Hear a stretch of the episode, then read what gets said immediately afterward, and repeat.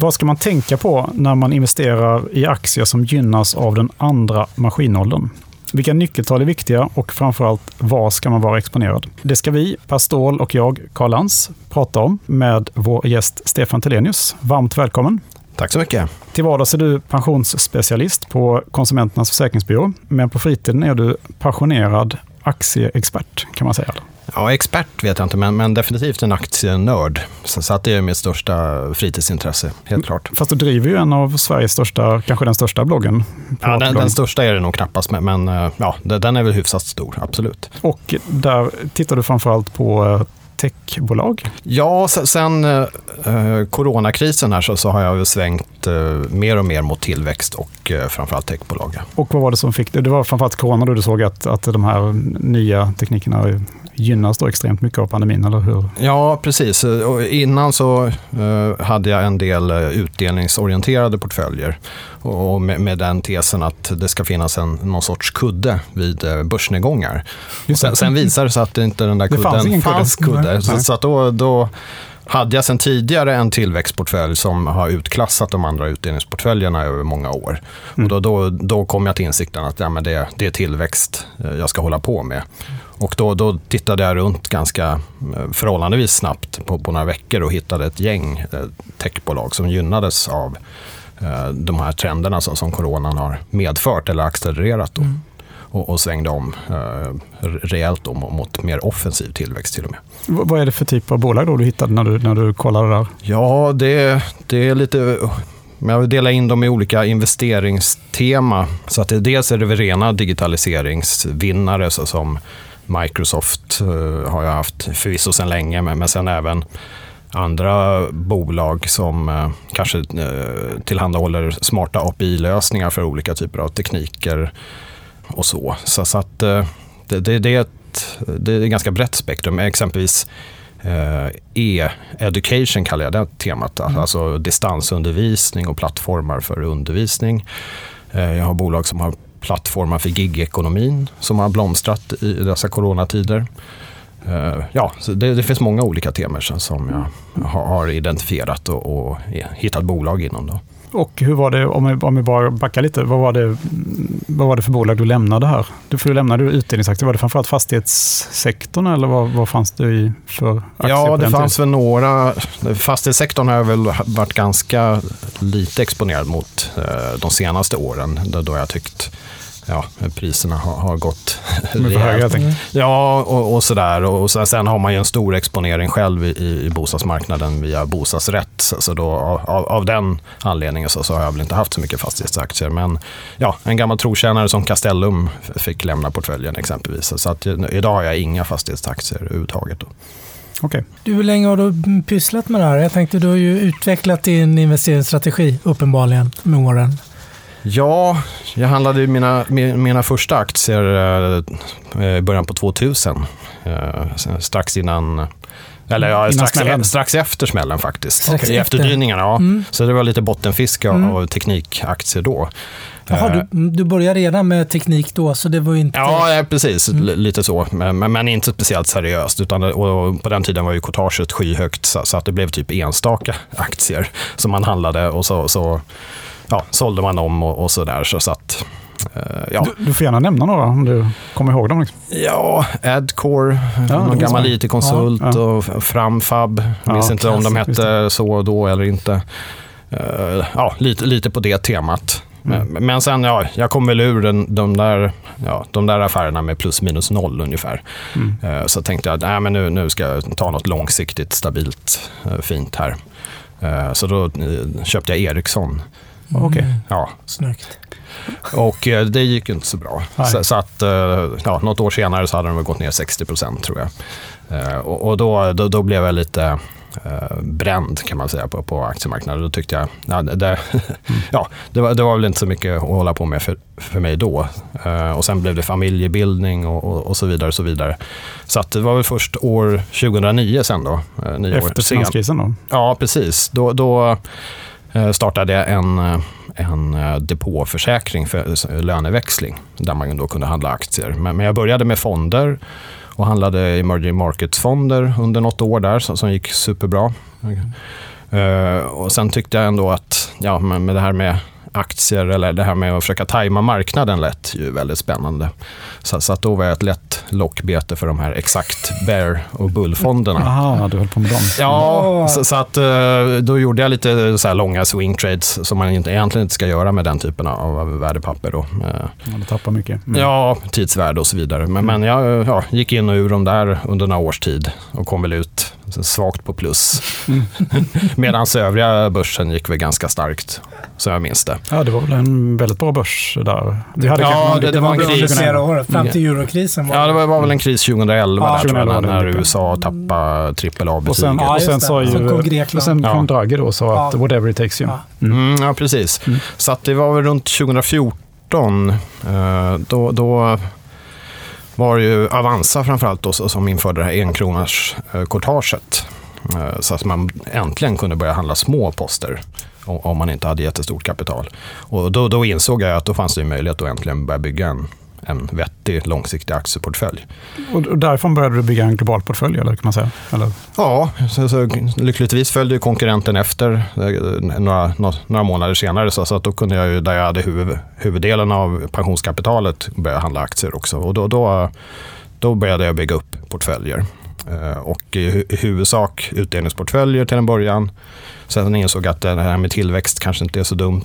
Eh, För, för har man utdelningskravet missar man ju bolag som inte delar ut som Amazon, Alphabet och så vidare. Så, så att då började jag plocka in den typen av bolag i en av portföljerna. Och, ja, och sen, sen eh, har, det väl intresset utökats rejält då, sen, sen 2014 eh, i takt med att det har gått hyfsat bra och man lär sig mer och mer hela tiden. Det är, ju, det är väl lite det som är fascinerande med aktiemarknaden, att man- blir ju aldrig fullärd eller förstår exakt hur det fungerar. Det, finns alltid något nytt att lära sig och ta till sig och, och sådär. Så att, eh, ja, Har du många innehav kvar från 2014? Hur långsiktiga är du? Alla säger att de är långsiktiga. Det oftast. ja Eh, Ja, det är jag, jag, vill, jag, vill vara, jag vill vara långsiktig, Mm. men, men eh, ja, om man ser med, med facit i hand så, så eh, omallokerar jag ganska friskt eh, faktiskt.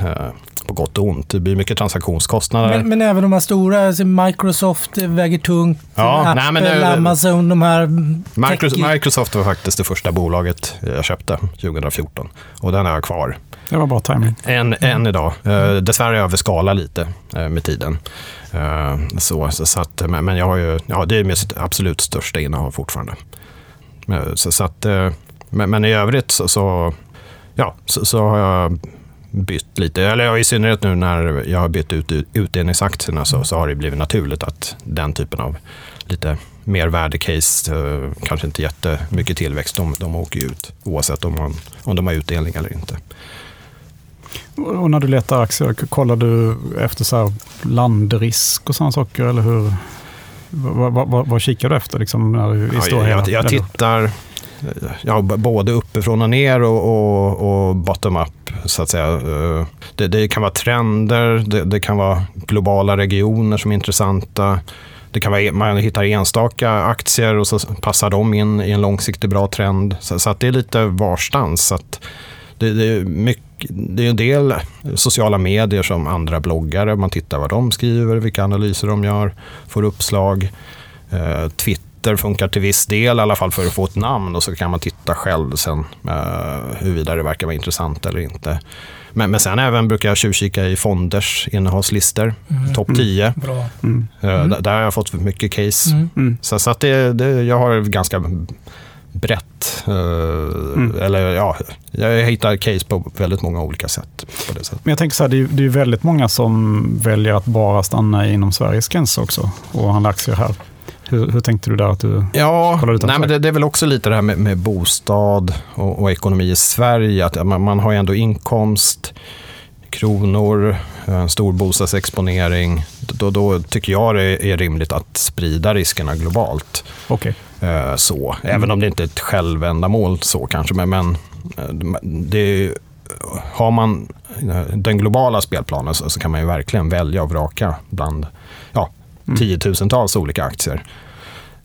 Så, så att då, man, man får ett betydligt bredare universum att investera i. Men, men sen finns det ett bra svenskt bolag som är bra på egna meriter, då, då är det självklart att, att, det, att man investerar i ett sånt. Så, så, att om man ska jämföra med en global indexfond, vilket är mitt benchmark på något sätt, så har jag ju jag har ju ungefär 5% i svenska aktier. Och, och en, eh, du är överviktad. Ja, precis. Med fem gånger. Kraftig övervikt. Precis, precis. så att, eh, ja, men jämfört med, med den vanliga aktiespararen i Sverige så, så är det förstås 95 eh, globala aktier. Hur, hur tänker du när det gäller valutarisk? Ja, det, det tänker jag väl kanske det är ju både och så att säga. Eh, och, och, ja, kronan har ju stärkts lite här nu på, på senare, senare tid men jag är väl inte sådär jättehåsad kronan på lång sikt. Eh, om man ser både historiska mönster och, och, de utmaningar vi har framåt. Så att då, då, då tycker jag också det är vettigt att ha eh, exponering i utländsk valuta som dollar, euro eller schweizerfranc. Mm. Men, jag håller med. Jag tycker ja, jag det är helt rätt. Mm. Liksom. Visst. Ja, nej, men det, det, finns ju andra som förespråkar ja. att man ska ha den, den, valuta man får, eller man får, har utgifter i. Men, men jag tycker ändå att, att eh, ja, det, det, finns nog förtjänster med att ha en del utländsk exponering utifrån mm. valutaperspektivet också. Mm. Men om du ser på, på världen just nu då, vad, vad ser du nu, just nu för någonting? Ja, nej, men man, där ser man väl att eh, västvärlden eh, har väl, eh, i någon mening så tycker jag eh, att vi har nått någon sorts peak stuff. hur, hur kommer konsumtionen bli framöver? Jag, jag tycker ja, jag har svårt att se att, att det är någon stor tillväxt som ligger framför oss i västvärlden. Eh, generellt sett då, på BNP-nivå. Men, men sen finns det ju givetvis eh, tema, eh, investeringstema och, och nischer som man kan investera i i väst med, med stor fördel. Där, där det finns goda tillväxtmöjligheter. Tänker men, du digitalisering? Och, ja, eller, precis, precis. För man köper ju mer och mer digitala tjänster. Ja, ja precis. Jo, nej, men den typen av konsumtion, ja. den ökar ju världen över. Mm. Oavsett och om det är väst. västtema direkt som du säger. Nej, utan det men, men, det är väl en mer global trend kanske. Men, men, ja, det finns ju fördelar att investera i, i väst exponerade sådana lag, eh, eh, såna bolag. Men, men sen, är det väl, eh, sen finns det ju regioner som har bra eller god tillväxt eller tillväxtförutsättningar. Så, så framförallt Asien och Sydostasien. Sydostasien, ja. Tänkte det. Mm. Så, så, att jag har ju lite indiska bolag, en del kinesiska. Kan, kan du, du får ta lite, dra lite bolag du har också. Ja. Vad har du för indiska bolag till exempel? Då har jag deras största bank då, som heter HDFC. Okay. Eh, och där är väl caset att, att de växer väl eh, tvåsiffrigt eh, omsättning, eh, omsättningstillväxt. Eh, de har väl haft lite motvind nu i coronatider men ändå har en god tillväxt. Mm. Och den indiska bankmarknaden är ju relativt omogen. När det, det, är många som inte har något konto och sådär? Eller? Nej, precis. Mm. Uh, och sen finns det lite andra fördelar med den banken jämfört med exempelvis svenska banker. Att de, deras kreditexponering är, ganska bred, bred, så att säga. Svenska banker kanske sitter bäst med bostadskrediter exempelvis. Så det, ja, det, det finns uh, saker som talar för. Och, och sen kan de hoppa kanske direkt Eh, på mer digitalisering så att säga också? ja, det, det, finns säkert sådana delar också. Men, mm. ja, nej, men det, det, det, är den enda banken jag äger överhuvudtaget. faktiskt. Ja, uh, för det, ja, givet den goda tillväxt. Vågar du investera något i Kina då? Uh, ja, det, gör jag. Uh, man kan ju ha åsikter om det politiska systemet, men, men jag tycker ändå det finns, eh, ja, oavsett så, så har jag några, några bolag eh, från Kina i alla fall som jag har investerat i. Vadå för något? Eh, jag har via Prosus så har jag en exponering mot Tencent. Mm. Tencent med rabatt kan man säga. Ja, precis. Så, så att det känns mer rationellt att investera där via Prosus. Uh, men, men jag bokar ändå som en Kina-exponering i och med att det, merparten är ju verkligen Tencent-delen mm. i, i det här. Så, så får man ju en del andra spännande bolag på köpet, men, men det, ja, jag ser det som en kinesisk uh, investering i alla fall. Sen har jag även en stor speltillverkare, förläggare, NetEase Okej, okay, den tror jag jag har hört talas om någon gång. Ja. Mm. ja, de gjorde... Jag fick lite hicka idag när jag loggade in på depån när värdet hade ökat fem gånger. Fem gånger? Ja, de hade gjort en split idag. så att det, det justeras väl när, när börsen öppnar där sen. Mm. Eh, men, men de har jag ägt ganska länge faktiskt. Och, och de, det som jag tycker är, kan vara vettigt när man investerar i kinesiska aktier, det är ändå att det finns en liten utdelning där. För, för det är ändå ett bevis på att det finns ett, något faktiskt kassaflöde också. Mm. Man, man, är ju lite försiktig Noj, med, med, med, de här bedrägerierna som har varit och sådär. Så, så att finns det en utdelning så tänker jag att det är lite något säkrare i alla fall, även mm. om det inte finns några garantier förstås. Men du handlar den via amerikanska börsen då? Ja, precis. De är, de är noterade som en ADR där. Mm. Uh, och då är det en liten avgift för den här ADR också? Ja, precis. Men, men den är ganska försumbar tycker jag. Mm. Uh, får se, ja, i och för sig, apropå splitten här, så se om den ökar fem gånger eller inte. För den brukar vara aktie, aktieantalbaserad, eller om de splittar avgiften på fem. Mm. Uh, ja, blir den fem gånger större så får jag fundera lite där. Men, mm. Mm. Har du ytterligare något kinesiskt? Eh, då ska vi se, nu får jag nästan titta i min fusklapp här. Eh, jo, jag har ett eh, bolag som heter Udao, mm. som är en avknoppning från NetEase, alltså, som sysslar med en e-learning-plattform. Då. Så, så, att det är ja, utbildning på nätet och, och, olika hjälpmedel där. Och fjärrundervisning har ju blivit stort i Kina då, ja, på grund av coronan mm. alltså, som många andra delar av världen. Men du har inte tal education? Uh, nej, det, det, jag, har, jag har väl kikat lite på det, men, men jag valde uh, Yudao istället. Ja, nej, men det, det, är väl de kinesiska bolagen jag har. Något annat sydostasiatiskt land som du tycker om? Uh, ja, Eh, jag har några eh, innehav som har huvudsätet i Singapore men som har en stor del av försäljningen över hela Sydostasien. Så att eh, det mest spännande just nu kanske är Sea Limited. Berätta, vad är det för något? Ja, de har tre ben. Då. Dels har de en väldigt stor gamingdel. Det är väl 55 procent av omsättningen. Så att, och det är väl kassakon i bolaget då som försörjer de andra två spännande delarna. Som är e-handel eh, mot Sydostasien och även lite mot Sydamerika. Eh, och sen har de även börjat med lite digitala betalningar eh, för, för eh, ja, e-handelsdelen där då. Så att, eh, och de kan handlas också på amerikanska börsen och, och sätet är som sagt Singapore. Så, så det känns ju också eh, Re relativt tryggt. Relativt tryggt. Ja, men, mm. men inget är ju säkert där heller förstås. Hur har aktien gått? Eh, den har gått fantastiskt bra idag, eller i år. Eh, så den, den, är väl upp ett antal hundra procent. Jag tror jag ligger plus 250 procent på min investering så, som jag gjorde eh, i början av april. Oj. Ja, ja. Så, så att de har ju levererat fantastiska kvartalsrapporter här där, där de har tresiffrig omsättningstillväxt då, mm. year on year. Riskjusterar du någonting? Alltså drar du ner vikten i den om, den om det blir för stort? Ja, tidigare gjorde jag, jobbade jag mycket så. Men, men nu är jag lite sådär att nu... Du låter dem löpa? Liksom. Ja, så, så jag har ett begrepp som jag har snott från ett fondbolag som, som heter Grander Peak. Och själva begreppet heter business momentum. Och det, det, då tolkar jag det lite som att det är eh, omsättningstillväxt framför allt. Eller ja, affärerna ska gå bra helt enkelt. Eh, att man har medvind. Och, och, så länge det är starkt, då, då säljer jag inte helt enkelt. Eh, så så att den, den, har fått löpa. Så det, det är eh, en av mina topp 10 innehav nu eh, från relativt liten start.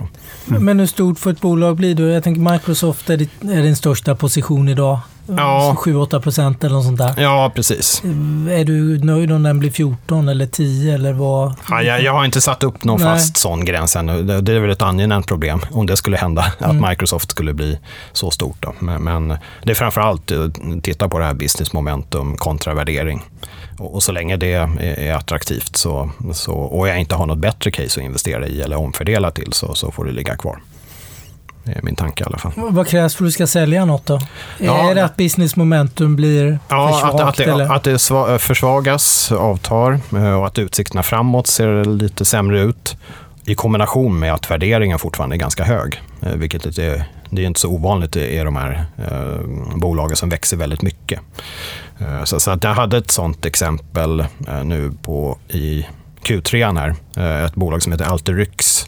Så som gör lite sådana här, mm. Eh, ja, eh, olika analysverktyg på webben. Och, där de tappade rejält försäljningstillväxt. Och sen tänker jag att deras tjänst kanske inte är must have på alla bolag utan lite mer nice to have. Så, så att då, och plus att värderingen fortfarande var skyhög och, och att de inte kom med vinst och så vidare. Så, så att då var det, då sålde jag helt enkelt. Hur är det med när du märker att något inte står rätt till i ett bolag? Säljer du direkt då så att säga? Eller?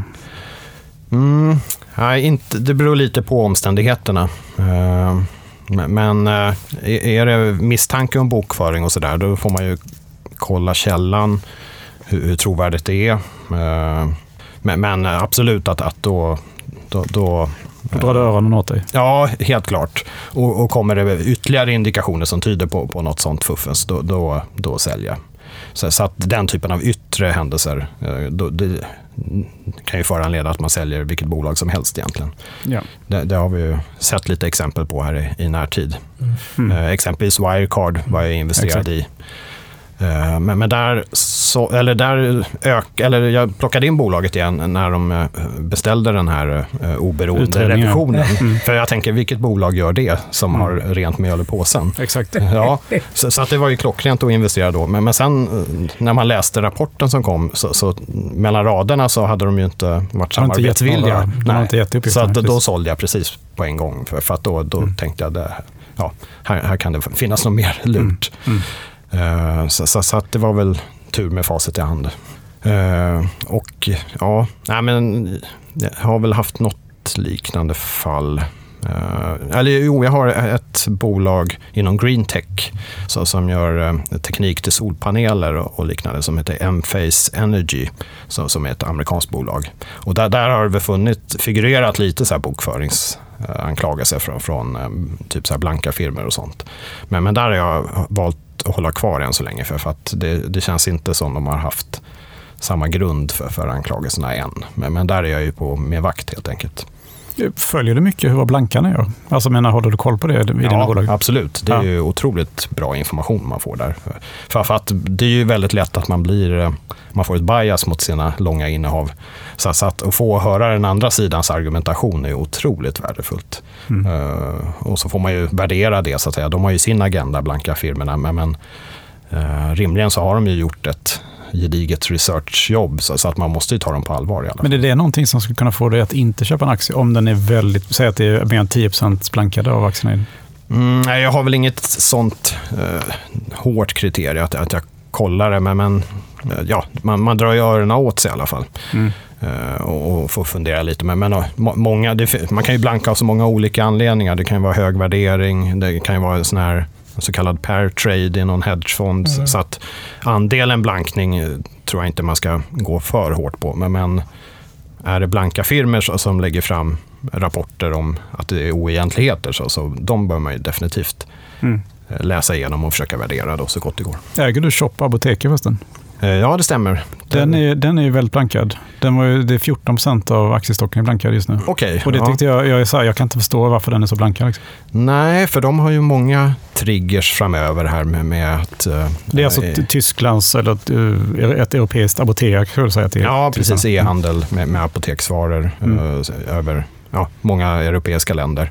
Och, och därför, det, det, som är en, en eventuell framtida trigger här är väl att Tyskland ska eh, så att säga, gå mer mot e-recept som jag förstått det via någon... Precis, uh, och att det ska bli mer fri prissättning också på uh, receptbelagda läkemedel. Ja, ja. Mm. Så, så, att det är väl det som är på plussidan. Minussidan är väl att de, de går väl knappt med vinst nu och, och har väl inte så där jättehöga marginaler. Det är ju ändå retail så att säga. Men, så, mm. så att, men ja, nej, även om den är hårt blankad så, så där är fortfarande det så kallade business momentum fortfarande starkt. Så, så att den håller jag kvar vid mm. så länge så är fallet.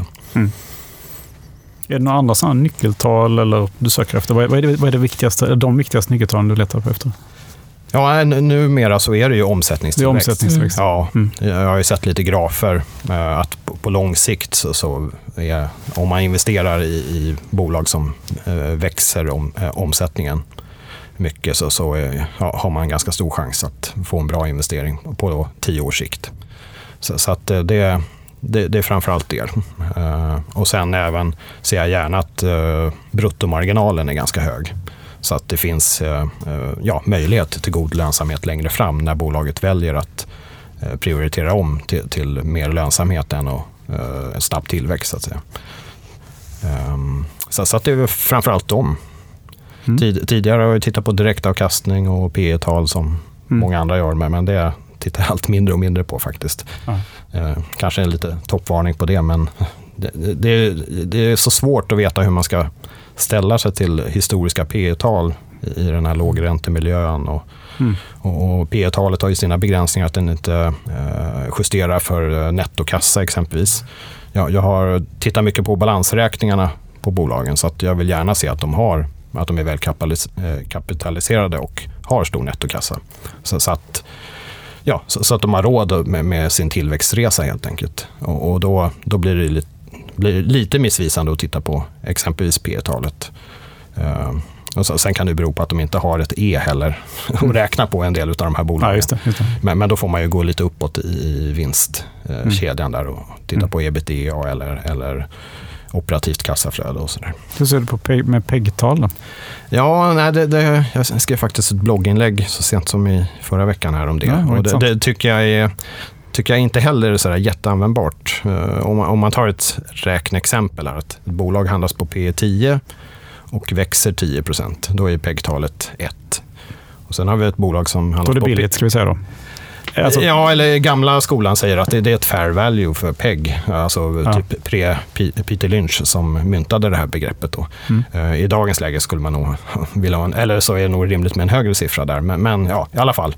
Uh, så det blir ett i kvot. Och uh, om man då tar ett bolag som handlas till P20 och så växer det 20% då får det också PEG 1. Mm. Men vilket bolag vill man helst investera i? Allt annat lika så kommer ju det andra bolaget att ge 20% kursutveckling medan det första kommer ge 10% Sen kanske risken är större i, i det andra bolaget. Men, men, på så sätt så tycker jag PEG-talet blir lite trubbigt. Mm. Ja, eller åtminstone att jämföra bolag mm. för bolag. Sådär. Mm.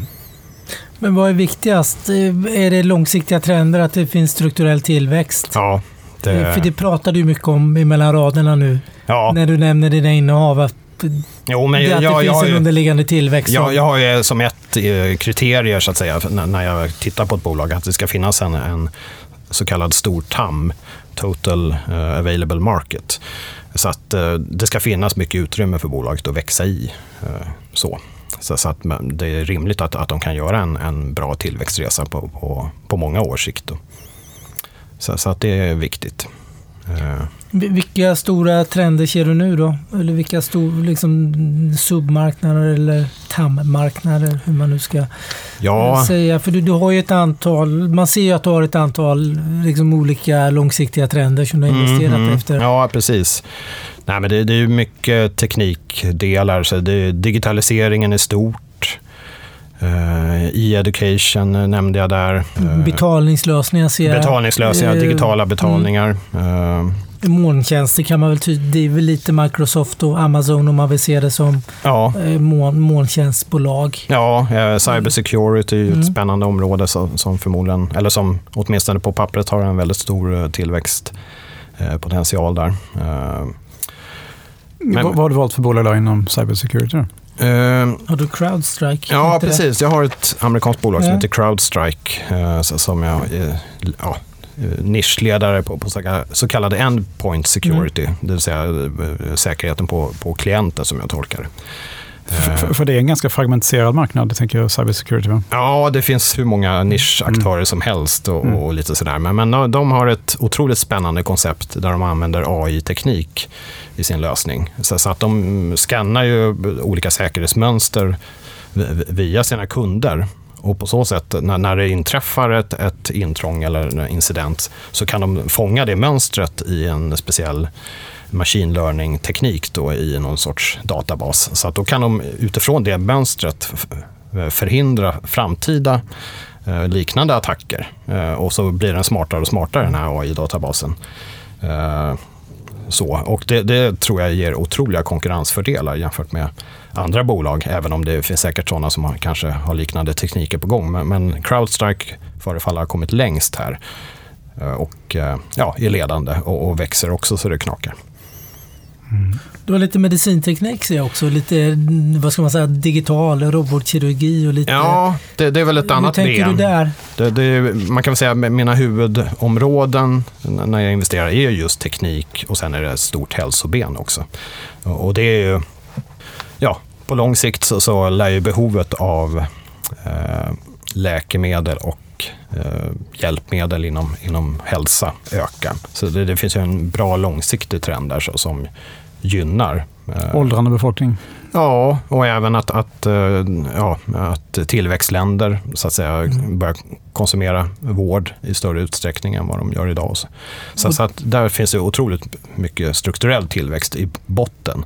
Och sen kan man ju välja otroligt spännande bolag som eh, ja, effektiviserar he, hela vårdkedjan och eh, ja, utöver den här långsiktiga trenden.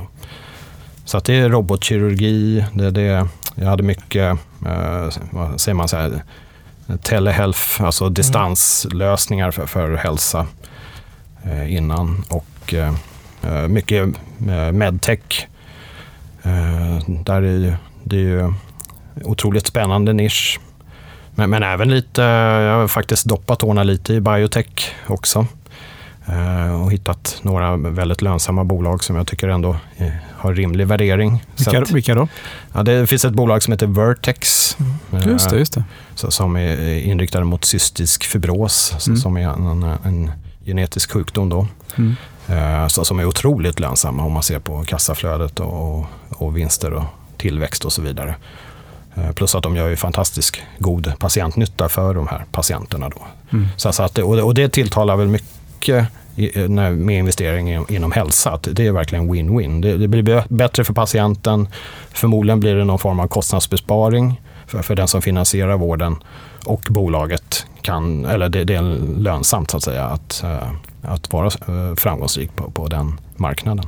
Är du inne i förhoppningsbolag och sådär? Folk som inte ja, som typ har negativt kassaflöde för de investerar så mycket och de har Nej. inga intäkter än och så. Ja, jag har några med, med, med negativt kassaflöde. Det här C-Limited som jag nämnde tidigare har ju det exempelvis. Men, så där vill jag gärna se att, att det positiva kassaflödet står äh, finns i närtid mm. så att säga enligt prognoserna. Men, men jag, så jag har några sådana, men, men är generellt sett försiktig äh, med det. Men, men jag har inga sådana här biotech med 1-0 eh, utfall, att mm. en studio ska lyckas. Mm. Eh, Sedana Medical är väl delvis ett sånt case, men, men deras teknik, eller, eller så att säga deras eh, produkt, är ju ändå så pass bevisad kliniskt. Eh, men de har ju inte det här formella godkännandet som krävs för att få sälja i större skala och att eh, det ska bli en, en standard of care inom intensivvård, deras lösning. Men, men det finns potentialen att att det blir så. Och då, då är det intressant att ha en exponering mot den typen av bolag tycker jag. Du nämnde ett svenskt bolag precis. Ja. Har, har du några svenska aktier? Ja, ja. Bevisligen har du en då, men, ja, men har du utöver det några? Ja, nej, men ett av mina större innehav är ju Swedencare. Just det, är det av egenintresse eller är det av Ja, jag har ju en, eh, en hund sedan ett och ett halvt år tillbaka här. Så, mm. att, eh, då har jag fått lite insikt i hur det är att vara djurägare och, och hur man prioriterar mm. eh, ja, husdjur, husdjurets välbefinnande och sådär. Mm. Så, så att det är en långsiktig trend som jag vill vara exponerad mot. Den här så kallade humaniseringen av husdjur. Mm. Där man i större utsträckning eh, lägger mer pengar på sitt husdjur i form av premiumprodukter, eh, veterinärvård och så vidare. Och Swedencare har ju en munhygienprodukt då för, för eh, hundar och katter framför allt. Då. Det är Sarkarius? Eh... Ja, eller eh, ja, förhindra plack okay. och, och, och, lite eh, tandsten och så vidare. Mm. Eh, det, det, och där är ju caset att det, det är ungefär 5 procent av eh, hundägarna som orkar borsta tänderna på sina hundar. Mm. Då... är, är, det så många? Ja, jag hade träffat någon. Men... ja, jag är väl faktiskt en av de här fem procenten. Vi borstar tänderna. Så vi, vi använder... Varje kväll alltså? Ja. Mm. Eller varje morgon och kväll? Nej, i, i ärlighetens namn så, så, kanske det är en fyra gånger i veckan eller någonting. Okay. Men, men eh, ja, än så länge verkar vår hund ha ganska Men, men har, man samma tank, har man samma minttandkräm också? Eller är det liksom... ja, det, den är mer kycklingsmak faktiskt. Kycklingsmak. det, det, finns lite varianter där. Mm. Eh, men, men Sweden Cash produkt är just för att man eh, ja, inte ska behöva borsta tänderna utan då, då får hunden tugga på... Det är någon form av algmix? Ja, precis. På, på, på någon specialben här så, som mm. tar bort plack och, och reducerar tandsten som jag förstår det. Och det finns även en pulver man kan blanda i. Eh, så, att det är en av produkterna. Men sen har de gjort väldigt spännande förvärv i år för att bredda produktsortimentet. För, för att komma bort från att, att de är för beroende av en produkt. Då. Eh, så, så de har gjort spännande förvärv eh, och, och utökar sina försäljningskanaler som företrädesvis sker via, eller direkt mot veterinärer. Så, så att på så sätt så är det ju, ja, nej men det, det är ett riktigt spännande case. Och det, ja, det är kul att det är svenskt också och har väldigt mycket att växa i tror jag. Men var det nu 95 procent av omsättningen eh, sker utomlands va? Ja, jo, det gör det ju absolut. Mm. Eh, så, så, så, att det är ett globalt eh, case det också, ja. om man ska hårdra det. Även om det har svenskt säte än så länge. Då. Du, du har inga andra sådana här djuraktier förresten? Eh, jo, det, det har jag. Mm. Jag har ett amerikanskt läkemedelsbolag som heter Zoetis. Just det. Eh, lite, ja, det lite, oklar, också. lite mm. oklar på utet där. Men, men de gör ju ja, läkemedel eh, åt djur mm. i huvudsak som jag förstått det. Som växer fint och har bra lönsamhet. Och, mm. ja, eh, på alla sätt och vis. Hur är det med Trupanion? Uh, no, jag, jag kikar lite på den. Men, men när, den har gått som tåget alltså? Ja, ja det, så där, där, den har jag missat. Mm. Uh, jag tyckte väl att lönsamheten såg lite si och så ut från början, men, men nu har de ju mm. fått lite fart. Det var det här att det var, var bara 2 av amerikanerna som försäkrade sina djur ja. fram till förra året i alla fall. Ja. Och... Nej, men det, det, det, kan nog vara intressant att titta på igen, men, men i dagsläget så har jag den inte. Nej. Eh, däremot har jag ett eh, annat amerikanskt bolag som heter IDEX som gör eh, utrustning åt veterinärer. Just det, det kände mm. det. Ja, analysutrustning och liknande. Så det är lite så här hackar och spadar mot uh, husdjurstrenden mm. via veterinärer då helt enkelt. Det är helt rätt i tiden. Alltså det har ju, corona har ju verkligen skyndat på den där trenden. Ja, sannolikt. Jag har ju en del kollegor som har skaffat husdjur nu under den här tiden och eh, ja, mm. vad man har hört så går hundarna som smörjer solsken på Blocket. Mm. Eh, kanske inte rekommenderar att man köper den där, men ja. Eh, men, men och att, att ja, hög efterfrågan helt enkelt. Mm. Vi, vi, vi bara gått till svenska aktien. Du hade Swedencare och Sedana Medical. Har du, har du ytterligare något svenskt innehav? Uh, ja, Embracer Uh, okay. Plockade mm. in relativt nyligen. Lars Wingefors. Ja, mm. precis. Uh, och, och, sen hörde jag ett ganska bra poddreportage uh, när de intervjuade Lars Wingefors. Och då, då, det känns verkligen som en, en bra mm. huvudägare och man förstod caset bättre då. Mm. Så då passade jag på att öka efter det. Men, men annars har jag inte haft den så länge. Även om jag vet kompisar och sånt som har pratat sig varma om just det bolaget. Men jag har inte riktigt förstått det först nu, tror jag. Så, så, att jag är lite sen på bollen där. Men jag tror de har spännande framtid framåt här oavsett. Det är nu, vi såg ju senast eh, förra veckan att Microsoft storshoppade gamingbolag här för, för sju, eh, ja, sju miljarder, eller vad blir det? Ja, eh, mycket pengar i alla fall. Eh, så, så att man kan nog förvänta sig en större Eh, eller mer uppköp av, av små spelstudios framöver. Och då, då kan jag tänka mig att värdet på Embracers innehav kan stiga ytterligare. Ja, gynnas på, på det sättet.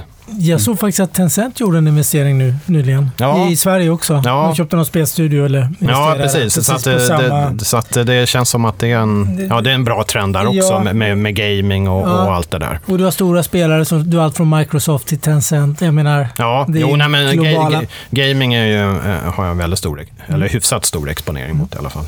Eh, via olika men du hade nog mer, vet jag, eh, något svenskt eh, onoterat innehåll? Ja, precis. En, en, en liten del i Spiltan också. Men, men, den bokar jag på Paradox.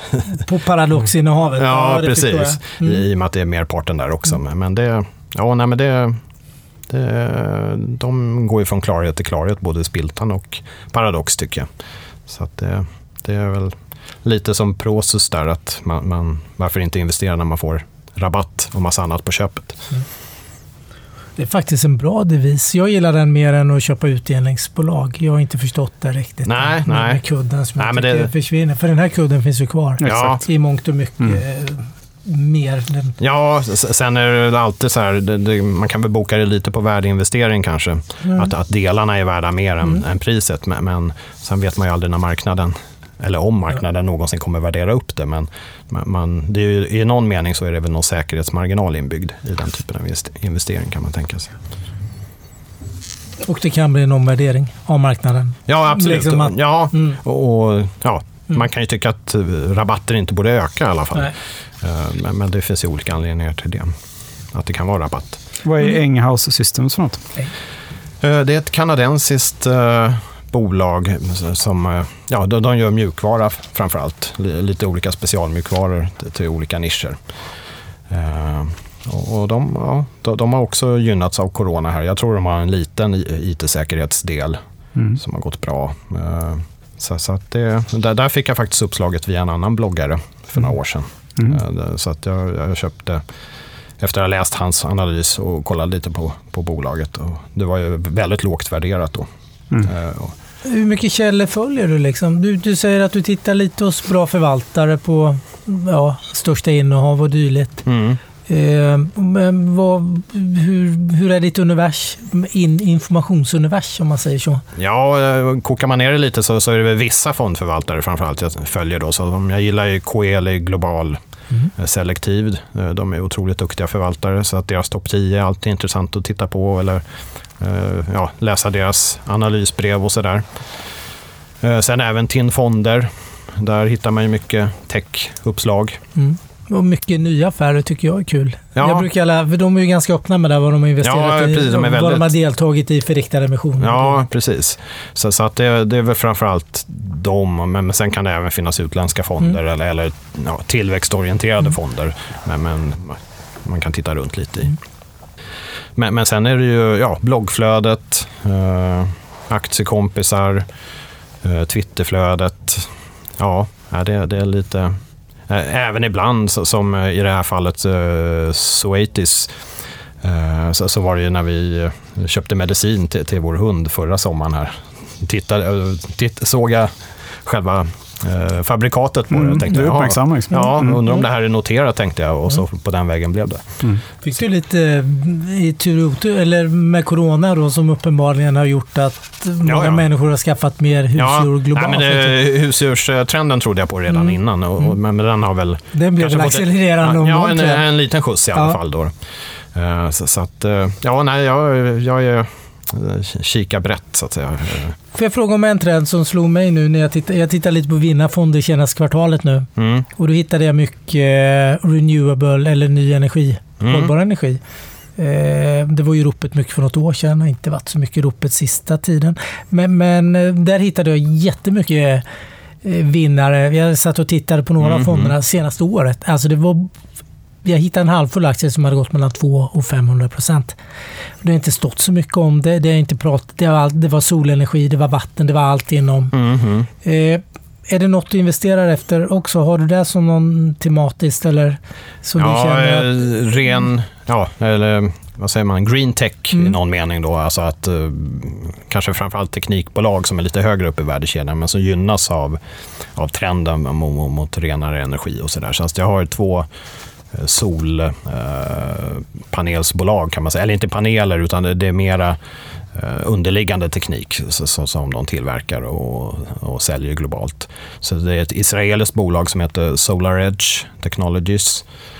Eh, och sen ett eh, amerikanskt bolag som jag nämnde tidigare, där, Enphase mm. Energy också. Så, att det är väl de två ledande aktörerna inom den typen av utrustning. Och sen har jag även ett sydkoreanskt bolag Samsung SDI. Mm. Så, som jag, vad jag förstår gör batterier då till eh, exempelvis eh, elbilar och, och så vidare. Eh, och där, ja, där kan man gissa att efterfrågan kommer att vara väldigt god kommande år.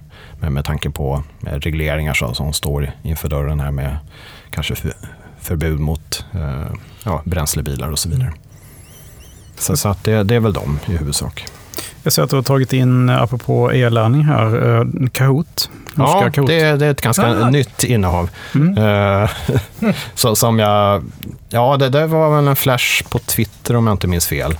Det, där var det någon som ägde det och tänkte, ja, är det här börsnoterat ens en gång? Det hade jag mm. faktiskt inte koll på. Mm. Och så gick jag in och, och läste mm. uh, ja, pressmeddelandet och, och kvartalsrapporten och det var ju fantastisk tillväxt. Och, och sen, ja, man har, Microsoft är med där på ett hörn. Ja, och mm. Disney såg ägarlistan så att det var mycket rätt där. Så att det, det, det kändes som att, att det var en bra exponering mot just uh, ja, distansundervisning. Uh, plattform. Så, så det är en, en procent av din portfölj nu, säger jag ungefär här? Ja, precis. Jag börjar sakta bygga en position där. Det missade vi för ett år sedan. Ja, det var hemskt. Alltså det är hemskt. Vi, satt och alltså, vi, vi mår dåligt när vi hör det här, för vi hittade den för ett år sedan redan. Ja, ja. Och tyckte att den var för dyr då, kommer inte ihåg det? Jag tyckte den var jättedyr, men jag tänkte ändå att jag ska ändå köpa den nu. Om bara den går ner till, om det var 38 tror jag det var då. Sen ja, har den ju liksom gått upp till... Vad handlas den i nu? Ah, jag tror... Ja, men det är väl 40 Fast, fast den har gjort en split sen också. Jaha, okej. Okay. Ja, ja, nej, men missade splitten. Jaha, okay. nej, men jag tror det är runt 40-45 Det är nog gånger 3-4 gånger pengarna något, eller ja. minst hennes. Ja, precis. Jo, nej, men det, det, det är lite kul att hitta ett nordiskt sånt bolag med, men som ändå också har väldigt fin global exponering. Annars ja, ja, vi har träffat en förvaltare som pratar om det så varmt. Han sa ja, att det här, är, det här kan bli Nordens eh, Google. Liksom. Ja, mm. alltså han var helt övertygad. Ja, okay. Han var en av ankarinvesterarna, så det är klart han pratar egen sak. Ja, nej, men det, jag, det jag gillar med bolaget var väl att de har ju såna här uttalade tillväxtmål. Och, och, ja, når de upp till dem så, så, så finns det ju, ja, så, så, ser det ju fortsatt positivt ut här. Och de ser ut att växa fint och har säkert också gynnats av, av rådande omständigheter då, mm. med, med, corona och så. Du, vad är Micromechanics för någonting? Ja, det, det är Singapore igen eller? Ja, precis. Det, det, är väl lite verktygsmakare åt halvledarindustrin som jag förstår okay. det. Lite specialverktyg. Mm. Eh, som jag har fått uppslaget via min eh, aktiekompis Gustav då, som har mm. Gustavs aktieblogg. Som kan Sydostasien. Ja, mm. så, så att det är ett av hans större innehav, men, men som jag har ja, hakat på där. Du har även A2 Milk som också, jag vet att han älskar. Ja, precis. Det, det ju... Men det var en liten vinstvarning där nyligen va? Ja, den har väl tagit mycket stryk sista veckan här då. Mm. Men, men, men det, är, det är väl också ett intressant långsiktigt case med, med lite premium Eh, segment in, inom mjölk och, och, en stor exponering mot, mot Sydostasien exempelvis. Du har Ferrari, det gläder mig. Ja, det, jag hade flera antal lyxbolag mm. eh, innan coronan, mm. men jag bedömde nog att de skulle ta stryk. Även om jag tror att de har klarat sig ganska bra och kommit tillbaka nu, ser jag. Så, så att det, jag utesluter ja. inte att jag går, går tillbaka lite till en del av de bolagen. Men, men Ferrari fick ligga kvar i alla fall. Uh, för, för, där tänker jag att det är en köpstark målgrupp. Har inte de någon extremt uh, lång orderbok? Jo, mm. jag tror flera, det. Många, många år. Liksom. Ja, jag tror att den är två år. Eller ja, så, så, att jag tror det, det, det, känns som ett bra, ett bra långsiktigt uh, bett ändå mm. på, på, inom lyxsegmentet. Du, Mercado Libre då?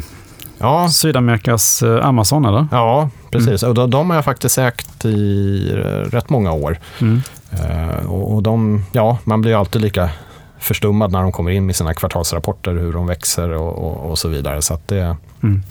och, och, som jag har förstått det så har de mycket kvar att växa i, i mm. Sydamerika. Men, men, även där har ju e-handeln tagit fart nu um, i dessa tider. Så, att, uh, så det är otroligt spännande eh, case. Eh, stor valutarisk ja, sannolikt i, i och med att det är mm. Argentina, Brasilien och så vidare. Mm. Eh, men, men de kompenserar det med, med tillväxttakten ändå. Så att även i, mm. mätt i, i US-dollar så, så är det otroliga siffror de levererar. Har du någonting annat, har du något annat sydamerikanskt bolag? Uh, nej, det, det, är väl det enda jag har numera faktiskt. Mm. Men du, Max, din portfölj den är ju rätt tung mot Nordamerika får man säga va? Ja, det, det, jag har viktat upp den under de senaste åren. Ja. Men det är framför allt att jag hittar ja, de här spännande teknikbolagen är ju ofta amerikanska. Ja. Uh, så. så, så att, men, ja, sen är, ja, jag sneglar ju lite på globalt index också i, i och med att det, det, det är väl den det man faller tillbaka på om, om man nu skulle sluta med att välja aktier, att man kanske landar i någon global fond och, och där ligger ju USA-vikten på 55-60 procent. Mm. Ja. Och, och, ja, och jag tror nog ändå att dollarn kan stå sig lit, ganska väl framöver. Uh, så. Men, men framförallt att, att de bolag som är riktigt spännande i olika nischer är amerikanska mm. i mångt och mycket. Speciellt inom hälsosektorn. Mm. Men vi, uh, jag tror att vi har gått igenom din portfölj ganska noggrant här ändå, eller? Eller något mer du vill tillägga? Nej, men det, vi har... Kanske någonting om, ser du något, något som du inte har investerat i ännu? Alltså något som du kanske ändå, någon trend eller något, ser du någonting annat som du tittar på just nu? Eller som? Mm, nej, inte, inte direkt. Utan jag är väldigt nöjd med, med nuvarande portföljsammansättning. Mm. Men, men typiskt sett dyker det upp ett case eller, eller en trend eller någonting, då, då är jag väldigt ofta impulsiv. Du är snabb? Och, ja, och uh, tar ett, ett litet bett. Mm. För att tvinga mig själv att läsa på mer om det mm. uh, och, och, och, lära mig mer helt enkelt. Mm. Uh, men, men just i, i, dagsläget så har jag väl inget sådär som jag ligger och funderar på om jag har missat. Mm. så. Utan det, ja, det har ju varit en otroligt gynnsam utveckling sen marsbotten här för, för min, mina typer av strategier. Hur mycket har det gått upp sen mars? Ja, totalt på, på alla portföljer så kanske jag ligger plus 16 procent. Men, men, i den mest offensiva eh, tillväxtportföljen eh, så är jag nästan upp 70 procent. Mm. Eh, vilket är en overklig siffra. Ja, så, så, att det är men eh, ja, det, det, de har ju verkligen fått en uppvärdering delvis och sen levererar de otrolig tillväxt i sina kvartalsrapporter. Mm. Så, så att det är ju det är väl lite caset med tillväxtinvestering tycker jag. Att, att oavsett den relativa värderingen så, så förr eller senare så länge omsättning och vinst stiger så, så bör ju kursen röra sig i den riktningen. Mm. Till skillnad från värdecase där, där man får vänta på den här eventuella uppvärderingen men, men man har ingen tillväxt eh, så som gynnar en under väntetiden. Mm, det är sant. Ja, det är tankvärda ord. Ja, men vi... Uh, tusen tack för att du ville komma hit och berätta om din investeringsstrategi och dina innehav. Dina många innehav. Ja, jag hade över 100 aktier förut, men, ja. nu har jag bantat ner till bara 66 Oj. Ja. aktier. Ja, det, det räcker ju, men du har ju väldigt bra koll på dem. Ja, jag, jag har väl lagom koll på dem, ska jag väl erkänna. Det, det, jag kanske inte läser uh, rapporterna från perm till perm, men, men jag tittar på lite olika utvalda delar när jag analyserar kvartalsrapporterna. Mm. Och har väl gjort lite verktyg kring det där också för att lättare kunna eh, bedöma huruvida bolaget är på spåret eller inte. Då. Mm. Tusen tack för att du var här. Ja, tack så mycket. Mm. Hej. Tack. Hej. Hej.